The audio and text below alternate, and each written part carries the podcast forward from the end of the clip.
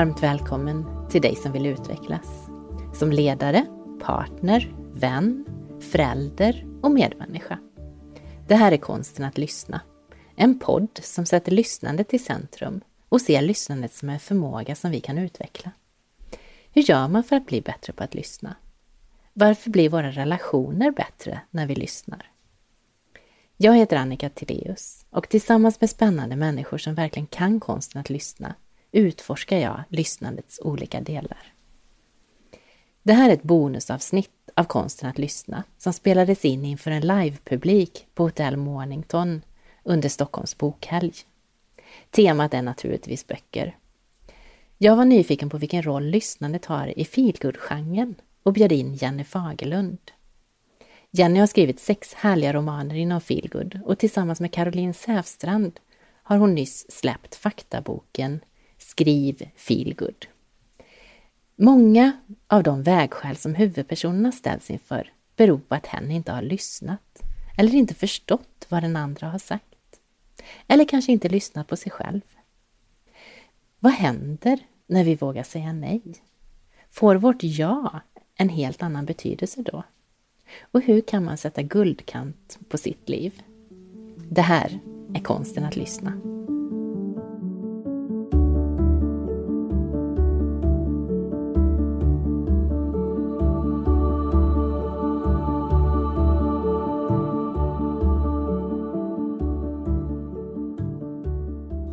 Vi börjar Ja.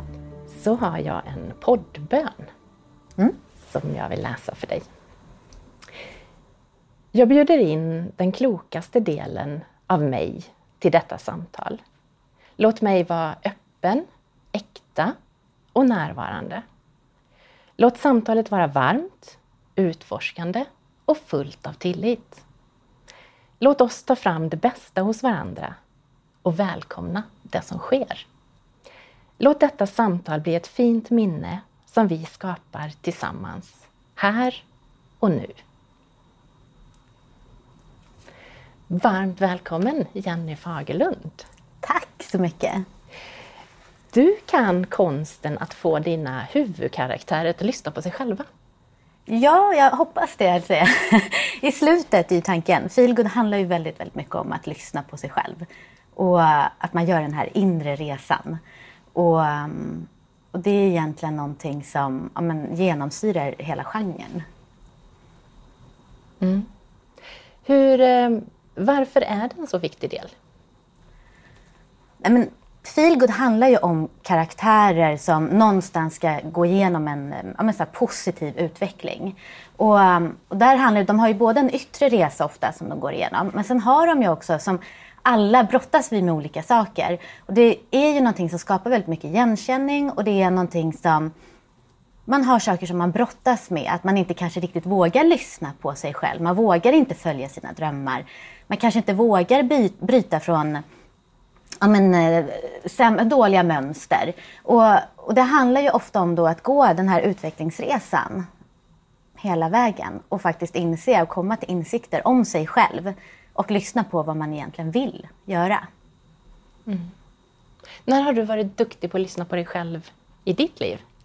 Oj.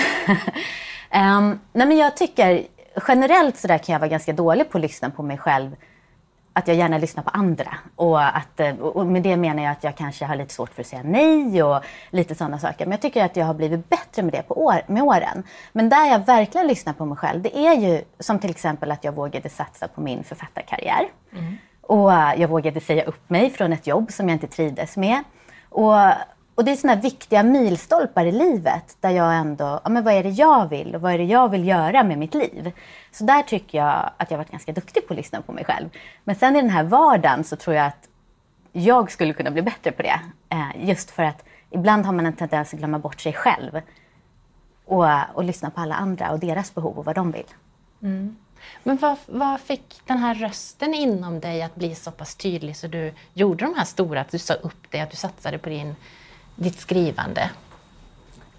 Jag vet faktiskt inte riktigt. Det, ehm, det är nog... Ehm, jag har ju alltid skrivit i hela mitt liv egentligen. Och just den här författarrösten kanske inte var så stark utan det handlade nog mer om att jag ville, jag ville bli journalist och, ehm, och jag, ville, jag skrev mycket så här småberättelser och sådär. Men just det här författarskapet, det var någonting som kom till mig. Och det är ju det, när jag är ledig, även om jag tänker så att jag ska inte skriva nu utan nu ska jag vara ledig, då dras jag ändå tillbaka och skriver någonting. Att det är så förknippat med mig. Och sen när det handlade om jobbet, där kom jag till en situation då, då jag verkligen inte trivdes med, på, det, på det arbetet som jag jobbade på. Jag hade den här klassiska så här, söndagsångesten. Ni vet, på, på helgen så, um, på lördagen är helt okej. Okay. Den slappnar man av, allt är jättebra. Och sen så på söndagen, då tänker man bara på att man ska tillbaka till jobbet. Det, det var en väldigt så här, stark röst. Och när jag då vann den här, för jag vann ju en författartävling. Och när jag vann den, då tänkte jag bara nu säger jag upp mig. Nu satsar jag på, på mig själv och det jag vill. Eh, och det var en sån lättnad. Bara att fatta det beslutet och gå in och säga upp sig. Då var det som en sten lyftes från axlarna. Eh, så det är en av de bästa sakerna som jag har gjort faktiskt. Tror jag att vi är många som tycker. Mm.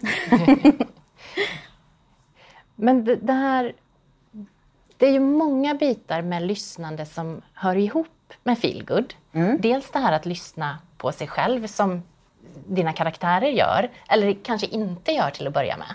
Nej men oftast handlar det ju om att man inte gör det. Utan att eh, man, och, det är så himla lätt, för livet är ju så. Det rullar på, det är så mycket yttre krav. Och man, någonstans så glömmer man kanske bort, man har någon inre dröm som man kanske inte riktigt vågar släppa fram. Så, så, och det tror jag, och det, den här genren är otroligt populär och det har nog att göra med att det skapar så mycket igenkänning. För att många av oss kan nog känna igen sig i det som karaktärerna brottas med. Mm. Och, och där är det ju också det här att de kanske inte lyssnar på varann eller inte mm. förstår riktigt Nej. den andra. Det har ju också hänt i vanliga livet. Verkligen. Eh, men, men precis, och kanske att man förutsätter att andra tänker och tycker på ett visst sätt, fast det inte alls är så. Sen är det ju så här, det måste ju bli en story, det måste, man ska vilja läsa från första sidan till sista sidan. Och då är ju missförstånd ett jättebra sätt att, eh, att arbeta med. Att man inte riktigt lyssnar på den andra personen. Och, och speciellt till exempel Mitt hemliga liv. Då är ju Moa tillsammans med en, med en kille och han kör väl egentligen över henne ganska mycket. Men hon säger ju inte ifrån heller. Och han tror ju att hon vill ha det livet som han vill för att hon aldrig protesterar. Men hon egentligen är så konflikträdd så att hon vågar inte riktigt utan hänger bara med och tänker att det ska bli bra. Tills hon börjar lyssna på sig själv och inser att nej, men vi vill helt olika saker med våra liv. Mm. Där finns ju också mycket igenkänning, mm. antar jag att många... Jag kan själv känna det. Jag, jag var vid ett tillfälle... Eh, jag levde så här småstadsliv och hade gjort allt som man skulle göra i min världsbild. Man skulle träffa någon redan på gymnasiet, mm. man skulle vara ihop med den personen resten av livet. Eh, vi gifte oss, vi köpte hus. Och sen en dag så kändes det lite grann som att, jaha, men vart tog jag vägen i det här? Mm. Och jag vet att jag, hade, jag fick en sån här bild som verkligen hör ihop med böcker, för jag såg det som en bok och så gifte de sig och så köpte de hus och så levde de lyckliga alla sina dagar. Och så stod det The End. Och så slog man ihop den här boken. Mm. Och min känsla var att, jaha men om det inte blir någon mer handling i den här boken, eller liksom, det är ingen som är sugen på att läsa en uppföljning eller nästa kapitel, den är klar. Är mitt liv klart? Mm. Och så kände jag att ja, men jag, jag måste nog utforska det här lite mer jag skulle vilja att det stod to be continued istället för the end. Och det var ju en, eh, en tuff resa. Det kan jag förstå. Mm. Och, och det, det, blir som du säger att i böckernas värld, då släpper man ju när de har träffats och när allting, ja men då tänker man nu kommer de leva lyckliga alla sina dagar. Men sen händer ju väldigt mycket efter det också. Och det handlar ju verkligen ännu mer om att fortsätta lyssna på sig själv och, och inte tappa bort sig själv längs vägen. Mm. Um, det tror jag att de flesta kan känna igen sig i. Det kan jag också göra. Och vissa saker som jag tyckte väldigt mycket om när jag var ensam och sen inser man att man tappar vissa saker längs vägen. Sådär. Och, och sen kommer man på, nej men just det, jag tyckte om att göra det här. Varför gör jag inte det längre? Och, och försöka hitta tillbaka till de delarna. Mm. Vad är det du skulle vilja göra? Och just nu vet jag inte. Jag trivs, men det kan vara så små saker egentligen. Bara så här när man... mm, Att, när man... eh, Nu går vi in på så relationer, men när man kommer in i, eh, i en relation, helt plötsligt så ändrar man ju kanske sina vanor på ett sätt. Och det, då kan det handla allt om från mm, frukosten och att man lite så här bara förlorar vissa saker sådär. Jag tänker på en sån där sak som min man och jag som har lite olika behov av att vara ensamma. Och där jag under de första åren och även småbarnsår inte riktigt erkände mitt behov av att vara ensam. För det kändes så här lite fult. Som att det inte, jag var riktigt avslappnad med alla andra. Och det, för mig var det inte så utan bara, gud vad skönt att få vara alldeles själv ibland. Men det måste jag ju också kommunicera, annars blir det Ja. precis som Moa som har en bild som alla andra tror är okej, men att hon inte kommunicerar den. Nej men precis. Det här med, med vändpunkter och konflikter Mm. i böcker. Ja. Det är ju jobbigt att de ska behöva vara där. Men det går ju inte alltid att åka så fort. Eller komma, det blir inte så mycket bok om det inte finns någonting som behöver Nej. hända. Det, ingen vill ju läsa om perfekta människor som lever det perfekta livet och aldrig råkar ut för någonting. Lite så Ehm, som det är på Instagram. Ja men kanske, lite absolut. Och, och man måste ha vändpunkter, man måste ha konflikter för att driva historien framåt. Och också för att ge sina karaktärer en chans att faktiskt knuffas i en ny riktning. För det är ju de här vändpunkterna som gör att det händer någonting där det som har varit rubbas på och det är någonting som gör att man tvingas in på en ny väg. Så, så de är ju superviktiga. Jag älskar ju så dramaturgi, det är ju en av de roligaste sakerna. Och jag utbildar ju i, i att skriva också och vi brukar ha väldigt mycket så diskussioner just om hur, hur en berättelse ska vara uppbyggd för att man ska få det här drivet och för att karaktären ska utvecklas längs vägen. Kan du se på ditt eget liv på det sättet ibland? När det är motigt och när det kommer en vändpunkt? Nej, men däremot så kan jag ju oftast tänka eftersom Nej, men livet har ju toppar och dalar. Och, och det, jag vet, det är väl lite så här klyschigt kanske att säga, men, men vad skulle jag vara om jag inte hade haft mina dalar? Alltså så är det ju. Och, och det är de som har fått mig att utvecklas och gå vidare.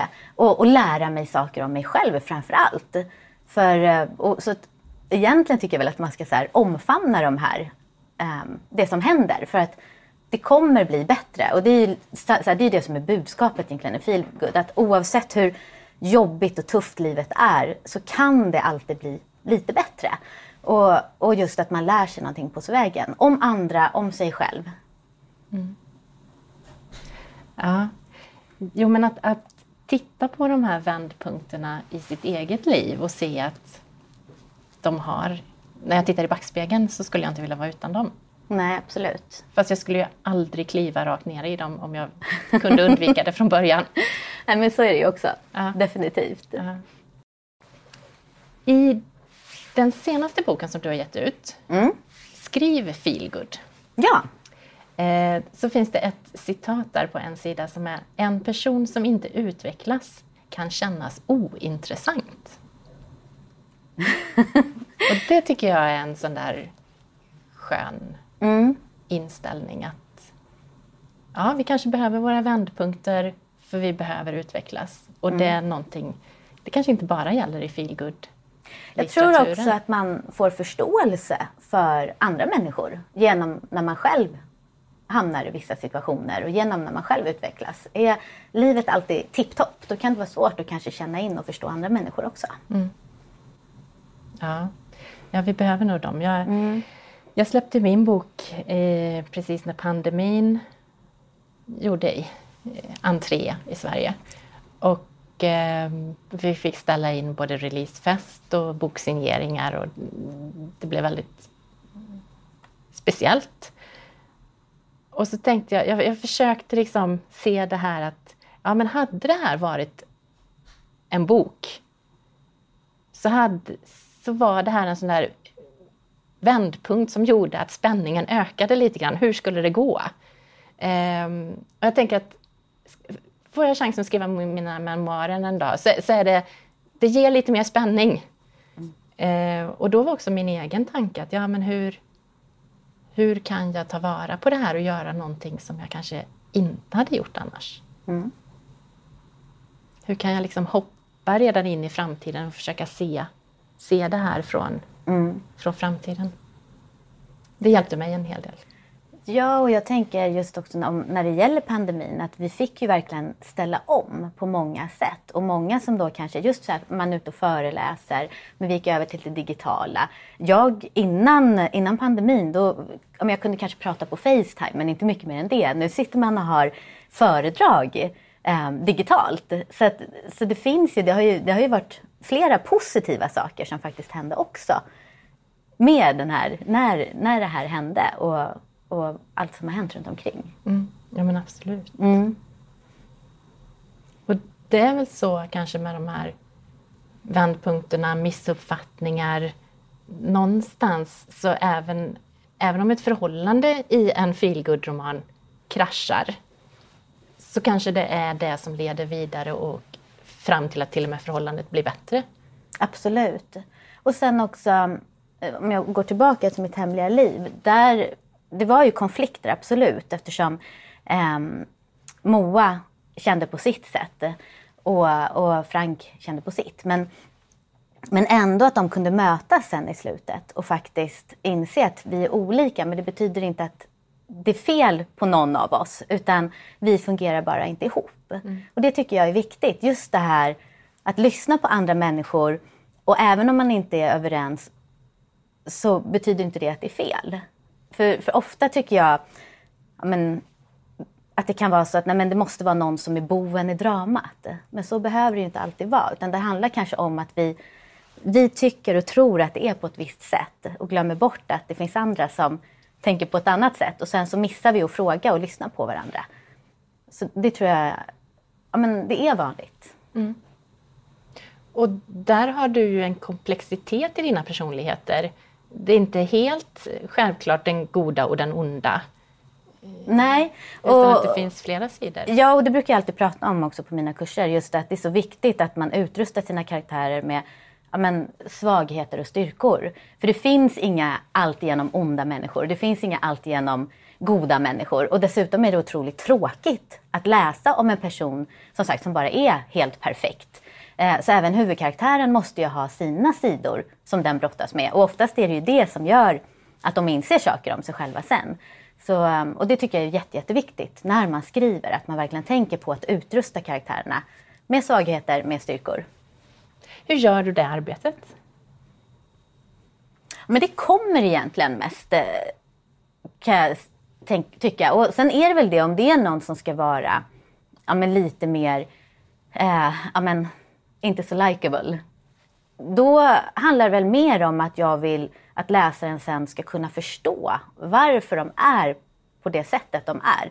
Nu är det ju feelgood jag skriver, så jag skriver ju inte om någon mördare eller något sånt. Utan, um, utan det kan ju vara olika personer, oftast är ju de väldigt roliga att skriva också. För då får man ju verkligen dra ut i svängarna och, eh, och de kan bete sig på ett visst sätt. Men där handlar, handlar det väldigt, väldigt mycket om att man som läsare ska kunna förstå i slutet att ja, men, de agerar på, så här på grund av det här. Och, eh, så ett exempel som jag tycker är så himla bra, det är ju en man som heter Ove som Fredrik Backman har skrivit. Där när jag började läsa den kände jag, men herregud, vad är det här för människa?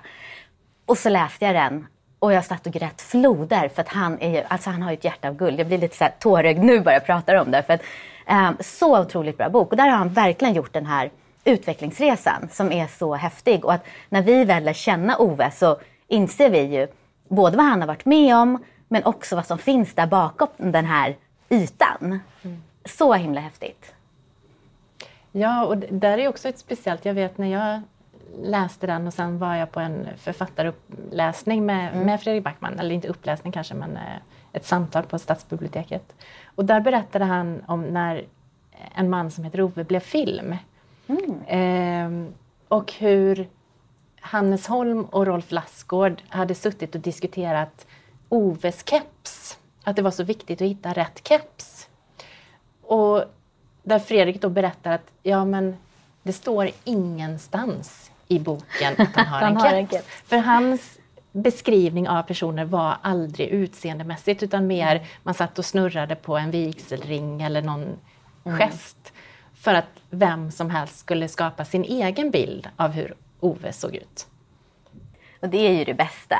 Eh, och, och det är ju så häftigt för att vi har ju våra egna erfarenheter som vi bär med oss. Och när vi läser att det inte får då verkligen nedpräntat exakt hur någon ser ut eller eh, så skapar vi oss egna bilder. Och det kan ju hjäl- eh, räcka med att man ger små detaljer bara.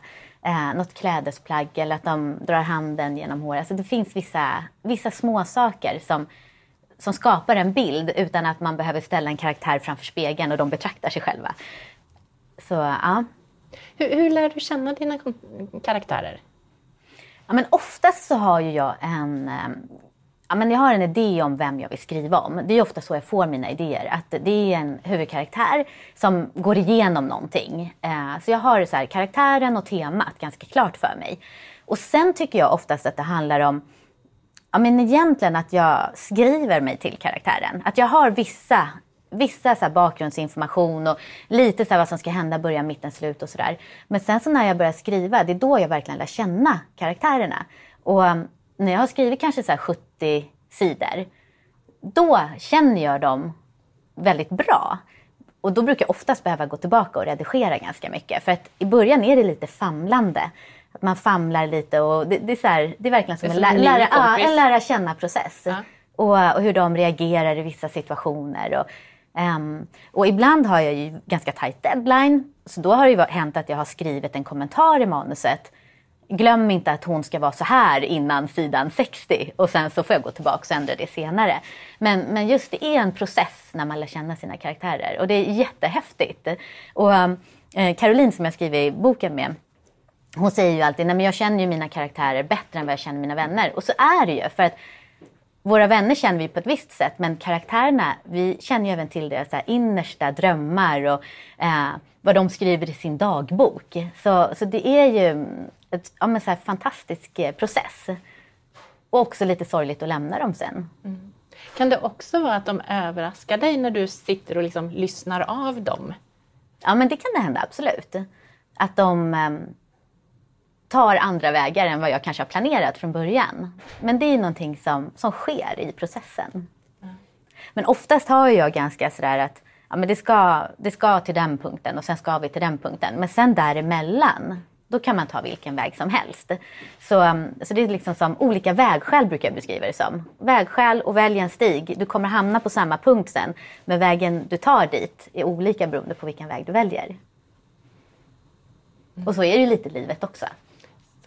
Hur man tar sig an saker. Sen vet man ju inte, man har ju liksom inte den här A B-testningen så man man vet inte. om det hade blivit så om man hade tagit en annan väg. Men man kan välja lite hur man tar sig an saker också.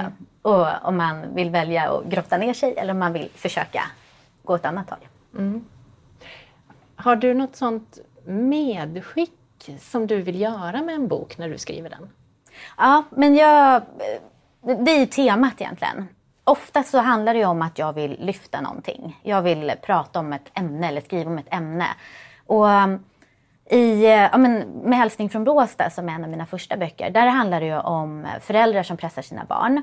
Och också i idrottens värld, hur pressat det kan vara och hur föräldrar kan gå på sina barn för att eh, förverkliga sina egna drömmar om en sport.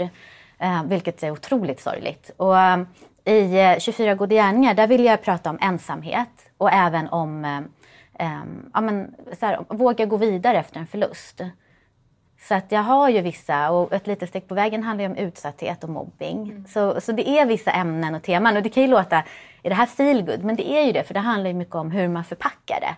Men de här ämnena tycker jag ändå vill jag ha med när jag skriver.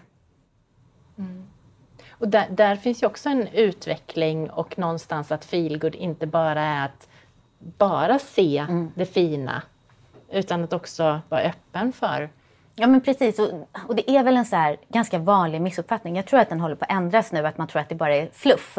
Men det behöver ju verkligen inte vara det, utan det finns ju verkligen de här Alltså det handlar ju om livet och det handlar om det som många av oss kan känna igen sig i, som många kanske själva går igenom eller har någon nära som går igenom. Och, och det är det som jag tror ja, men verkligen gör att genren är så populär som den är. För att eh, den ger så mycket. Och sen ger den också den här inspirationen och peppen och den här må bra-känslan på slutet. Att som sagt, oavsett hur jobbigt det är så kan det faktiskt bli bättre också. Och man kan gräva ner sig ganska djupt i det där. Och det finns hopp. Och det finns hopp. Och det, det är verkligen hopp. Och det eh, går man in i en bokhandel då är det ju, man tar ju en feelgood för att det är en bok som får en att må bra. De ger det här hoppfulla slutet. Mm. Hur påverkas det av när världen är oroligare? Märker man på försäljningen på feelgood att den ökar? Det vet jag inte riktigt. Jag tittar. Gör den det? Eh, men jag kan tänka mig att det finns ett behov av må bra-berättelser. Absolut. Och att man ehm, vill vaggas in i någon sorts eh, ja, men så må bra-känsla också. Att när det är så oroligt runt omkring oss så är det ganska fint att få läsa om de här hoppfulla berättelserna också. Mm. Men det där att man, man, jag, ofta gråter när jag läser feelgood. Ja, mm. det är underbart tycker jag. Så här, jag vill gärna gråta när jag läser feelgood. Jag vill gärna skratta lite. Eh, och framförallt vill jag få den här, åh, vad bra den var. Mm. Det är det man vill ha. Att eh, alla de här känslorna. Då är det en riktigt, riktigt bra feelgood tycker jag. Mm. När du nämnde lite grann där om att prata och lyssna på sig själv. Mm. Finns det tillfällen när du inte har lyssnat på dig själv? Ja, jag kan inte komma på någon sån här konkret sak, men däremot absolut att jag kan vara ganska dålig på att um, lyssna på um, mig själv och mina behov. Att jag kan sätta andras behov före mina. Att eh, säga ja till saker fast jag egentligen inte har tid eller ställa upp på saker fast jag egentligen inte hinner. Men det är någonting som jag tror att man måste jobba med eh, och som jag tycker ändå att jag har blivit bättre på. Att så här, säga nej. För det kan vara ganska jobbigt att säga nej och man kan känna sig ganska taskig att säga nej. Men också, jag fick lära mig, men om jag, om jag, om jag liksom inte vill vara taskig för att jag säger nej, men vem är jag taskig mot eller så här, dum mot då? Jo, jag är, jag är ju inte snäll mot mig själv. Så, så är det okej okay att jag inte är snäll mot mig själv bara för att vara snäll mot andra?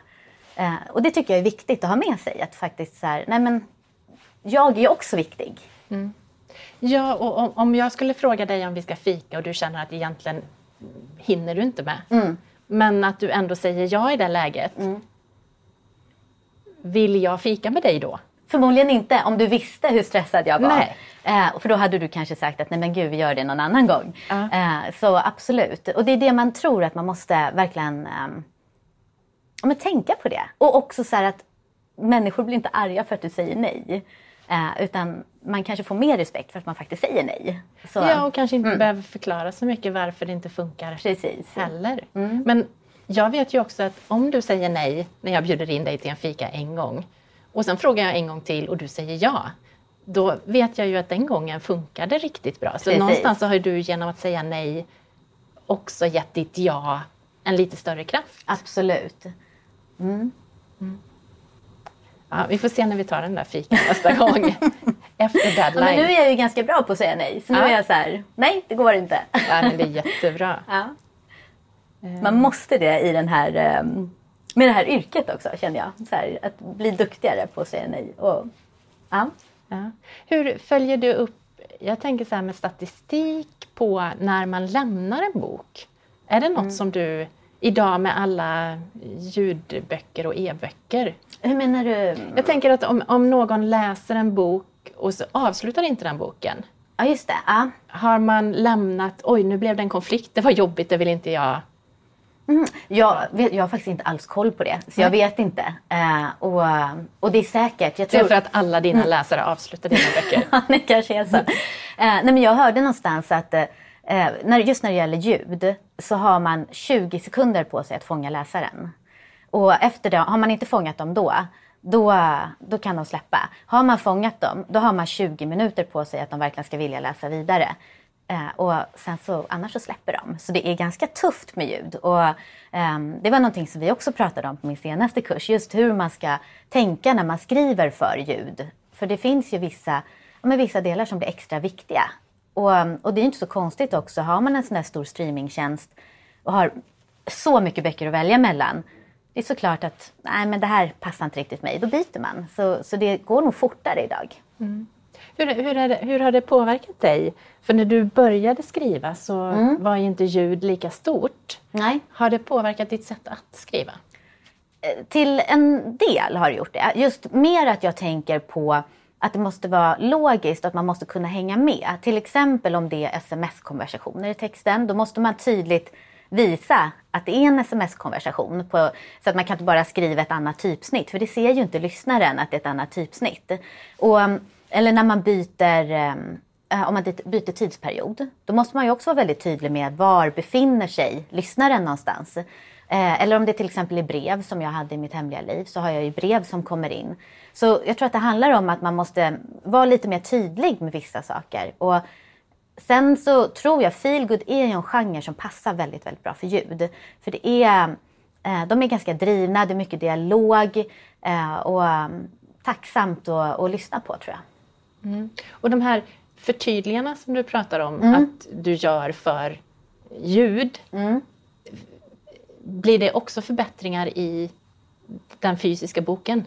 Ja, Eller? många blir ju det. Och, och just det här som, som jag var inne på, att det finns ju så här knep för så här skriver du för ljud.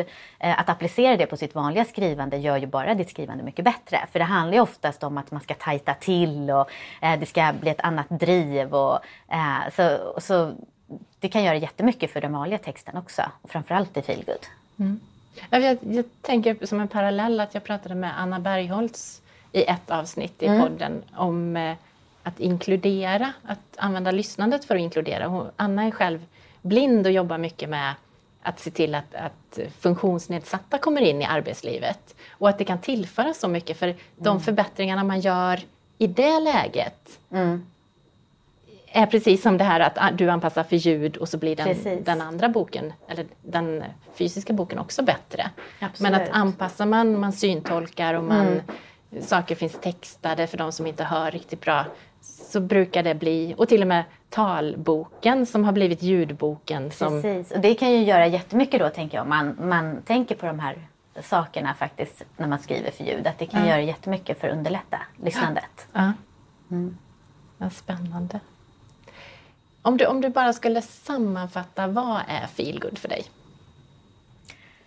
Ja men feelgood handlar om att må bra. Det är det. Och um, jag, jag tycker så här, feelgood det handlar egentligen inte bara om böcker utan det handlar om livet. Eh, må bra i, i livet och där, där böckerna har en väldigt stor del. Och det är underhållning men det finns också mycket allvar i det. Och, men, men till sist så handlar det om det här hoppfulla och den här inspirationen och värmen och peppen. Det är feelgood för mig. Mm. Och hur sätter du guldkant på din egen tillvaro? Ja, men jag tycker det handlar mycket om... eh, Ja, men först och främst så um, unnar jag mig själv att rida en gång i veckan. Jag har fyra barn eh, och jobbar ganska mycket men jag tycker det är jätteviktigt att inte bara tappa mig. så. Eh, men sen tycker jag det handlar om de här guldkornen i vardagen. Att eh, kanske sätta sig på balkongen med en kopp te i tio minuter eller eh, läsa någonting eller eh, ta en promenad med någon man tycker om. Så det handlar mer om att det behöver inte vara det här stora och man måste åka mm, utomlands eller göra de här jättestora upplevelserna utan det handlar mycket om feelgood i vardagen. De här små sakerna som får oss att må bra och som ger det här lilla extra. Det tycker jag är jätte, jätteviktigt. Och, jag hoppas att jag, är, att jag är hyfsat bra på det. Ja, jag tycker ju att en bra bok och en kopp te och lite choklad, då är det ju Det är riktigt härligt. perfekt. Ja, det är härligt. Igenkänningen i feelgood, Mm. eh, hur viktig är den? Jag tror att den är ganska viktig eftersom feelgood handlar ju om relationer. Det är fokus på relationer och, eh, och det som Ja, men det, det som vi går igenom i livet. Sen finns det ju absolut, jag är ju otroligt förtjust i Bridgerton till exempel som utspelar sig i början på 1800-talet tror jag. Som är fantastisk. Men, men, det, men vi brottas ju med många liknande saker ändå. Så att igenkänning är nog otroligt viktig. Mm. Vad, vad händer med sen när boken väl är ute? Den här bebisen som är din. Hur väljer du att lyssna eller inte lyssna på recensioner och Um, hur förhåller du dig till det? Ja, men i början när jag släppte min första bok, då blev man ju faktiskt väldigt, väldigt ledsen om det kom en recension som inte var så positiv. Och nu har jag släppt eh, sex romaner och en faktabok så att jag försöker faktiskt inte lägga så stor vikt vid det. Och jag blir jätte, jätteglad när det kommer de här fina recensionerna. Och kommer det, kommer det någon som är mindre bra sådär, äh, ja men det är ju en person som, tyck, som inte tycker riktigt om den. Och, ehm, och, och det får man ju ta också. För att alla kan ju inte älska det man gör på samma sätt som alla kan inte eh, tycka om en som person. Så, så jag tror man måste släppa det. Så.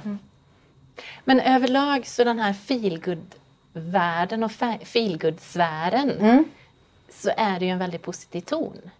Ja men det är det. Det är väldigt så här varmt community och det är väldigt, eh, det är väldigt härligt och trevligt och det är inbjudande. Det är ja, men så fint klimat tycker jag i genren. Nu har inte jag så många så här genrer att välja. Eller så här, eh, jag har inte så, vad säger man? Eh, jag vet inte så mycket om andra genrer.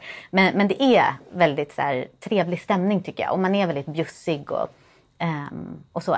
Och, och det kanske handlar om just att det är feelgood och det, det är ehm, ja, men det är en positiv och ganska hoppfull genre. Så, så att det smittar väl kanske av sig. Så det är de som lockas dit. Ja, kanske. Ja. Jag vill skicka med en uppmaning om att kanske ibland betrakta sitt eget liv lite som ett manus. Att se de här jobbiga händelserna som en del av den här utvecklingskurvan. Ehm, att ja, det är tufft nu, men om det här var ett manus, vad skulle det här jobbiga hjälpa mig till? Och att man kan ta med sig det Absolut. ibland i, Mm. i sitt eget liv. Ja, men det håller jag med om. Och också, jag brukar alltid tänka när, när det går emot så. Ja, men vad kan jag göra för att göra situationen bättre? Finns det någonting jag kan göra? Först så tillåter jag mig själv att bli ledsen. Eh, men sen så tänker jag, men vad kan jag göra för att faktiskt vända situationen? Det tror jag kan vara bra att, att försöka sådär att okej, nu gillar vi läget, nu är det så här, men vad kan jag göra åt det? Mm. Jag tror det är väldigt viktigt det du säger också om att faktiskt acceptera, tillåta sig att vara ledsen, att inte bara det Nej. blir så mycket eh, positiv attityd, hjälper mot allt. Men det gör inte det ibland utan man måste också tillåta sig känslan av att Ja, men ibland måste man få landa där. vara ledsen. Precis. Och sen så efter det Ja. se hur man kan ta sig därifrån. Mm. För det blir bra på slutet. Det blir det.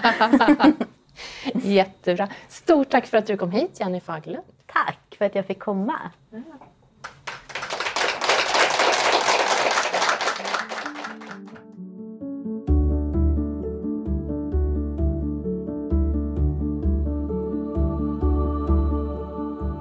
Jenny och jag pratar om att vi kan lära oss saker om oss själva när vi läser eller lyssnar på feelgood. Livet har toppar och dalar. Dalarna leder ofta till utveckling och kan bli positiva vändpunkter när vi ser dem i ett längre perspektiv. Precis som karaktärerna i Jennys böcker så har vi också både styrkor och svagheter. Det är de som gör oss till de vi är. Jag är så glad att Jenny nappade på idén att livepodda på Stockholms bokhelg. Och stort tack till er som kom och lyssnade på plats. I detta specialavsnitt som gjordes ihop med Stockholms bokhelg så vill jag passa på att tipsa om några av mina favoritböcker. Först vill jag verkligen rekommendera alla Jennys böcker som är feelgood när den är som bäst. En varm och fin berättelse som är nominerad till Årets bok är Sista sommaren av Eleanor Holmgren. Medan världen ser på av Anna Larsson är en fin historia som hamnar inom romance-genren. Jag längtade efter fjärde delen i Britt Peruzzis Rivieran-serie om Alda Luppi. Det trevliga deckare som man blir väldigt hungrig av. Callum Bloodworth har gett ut två böcker det senaste året. Jag både skrattade och grät när jag läste både 36 frågor om kärlek Berätta tre saker. Ett sista tips är en bok som handlar både om att lyssna på andra men också om att lyssna på sig själv. Vildrosen, Tio goda gärningar av Lisa Westerlund.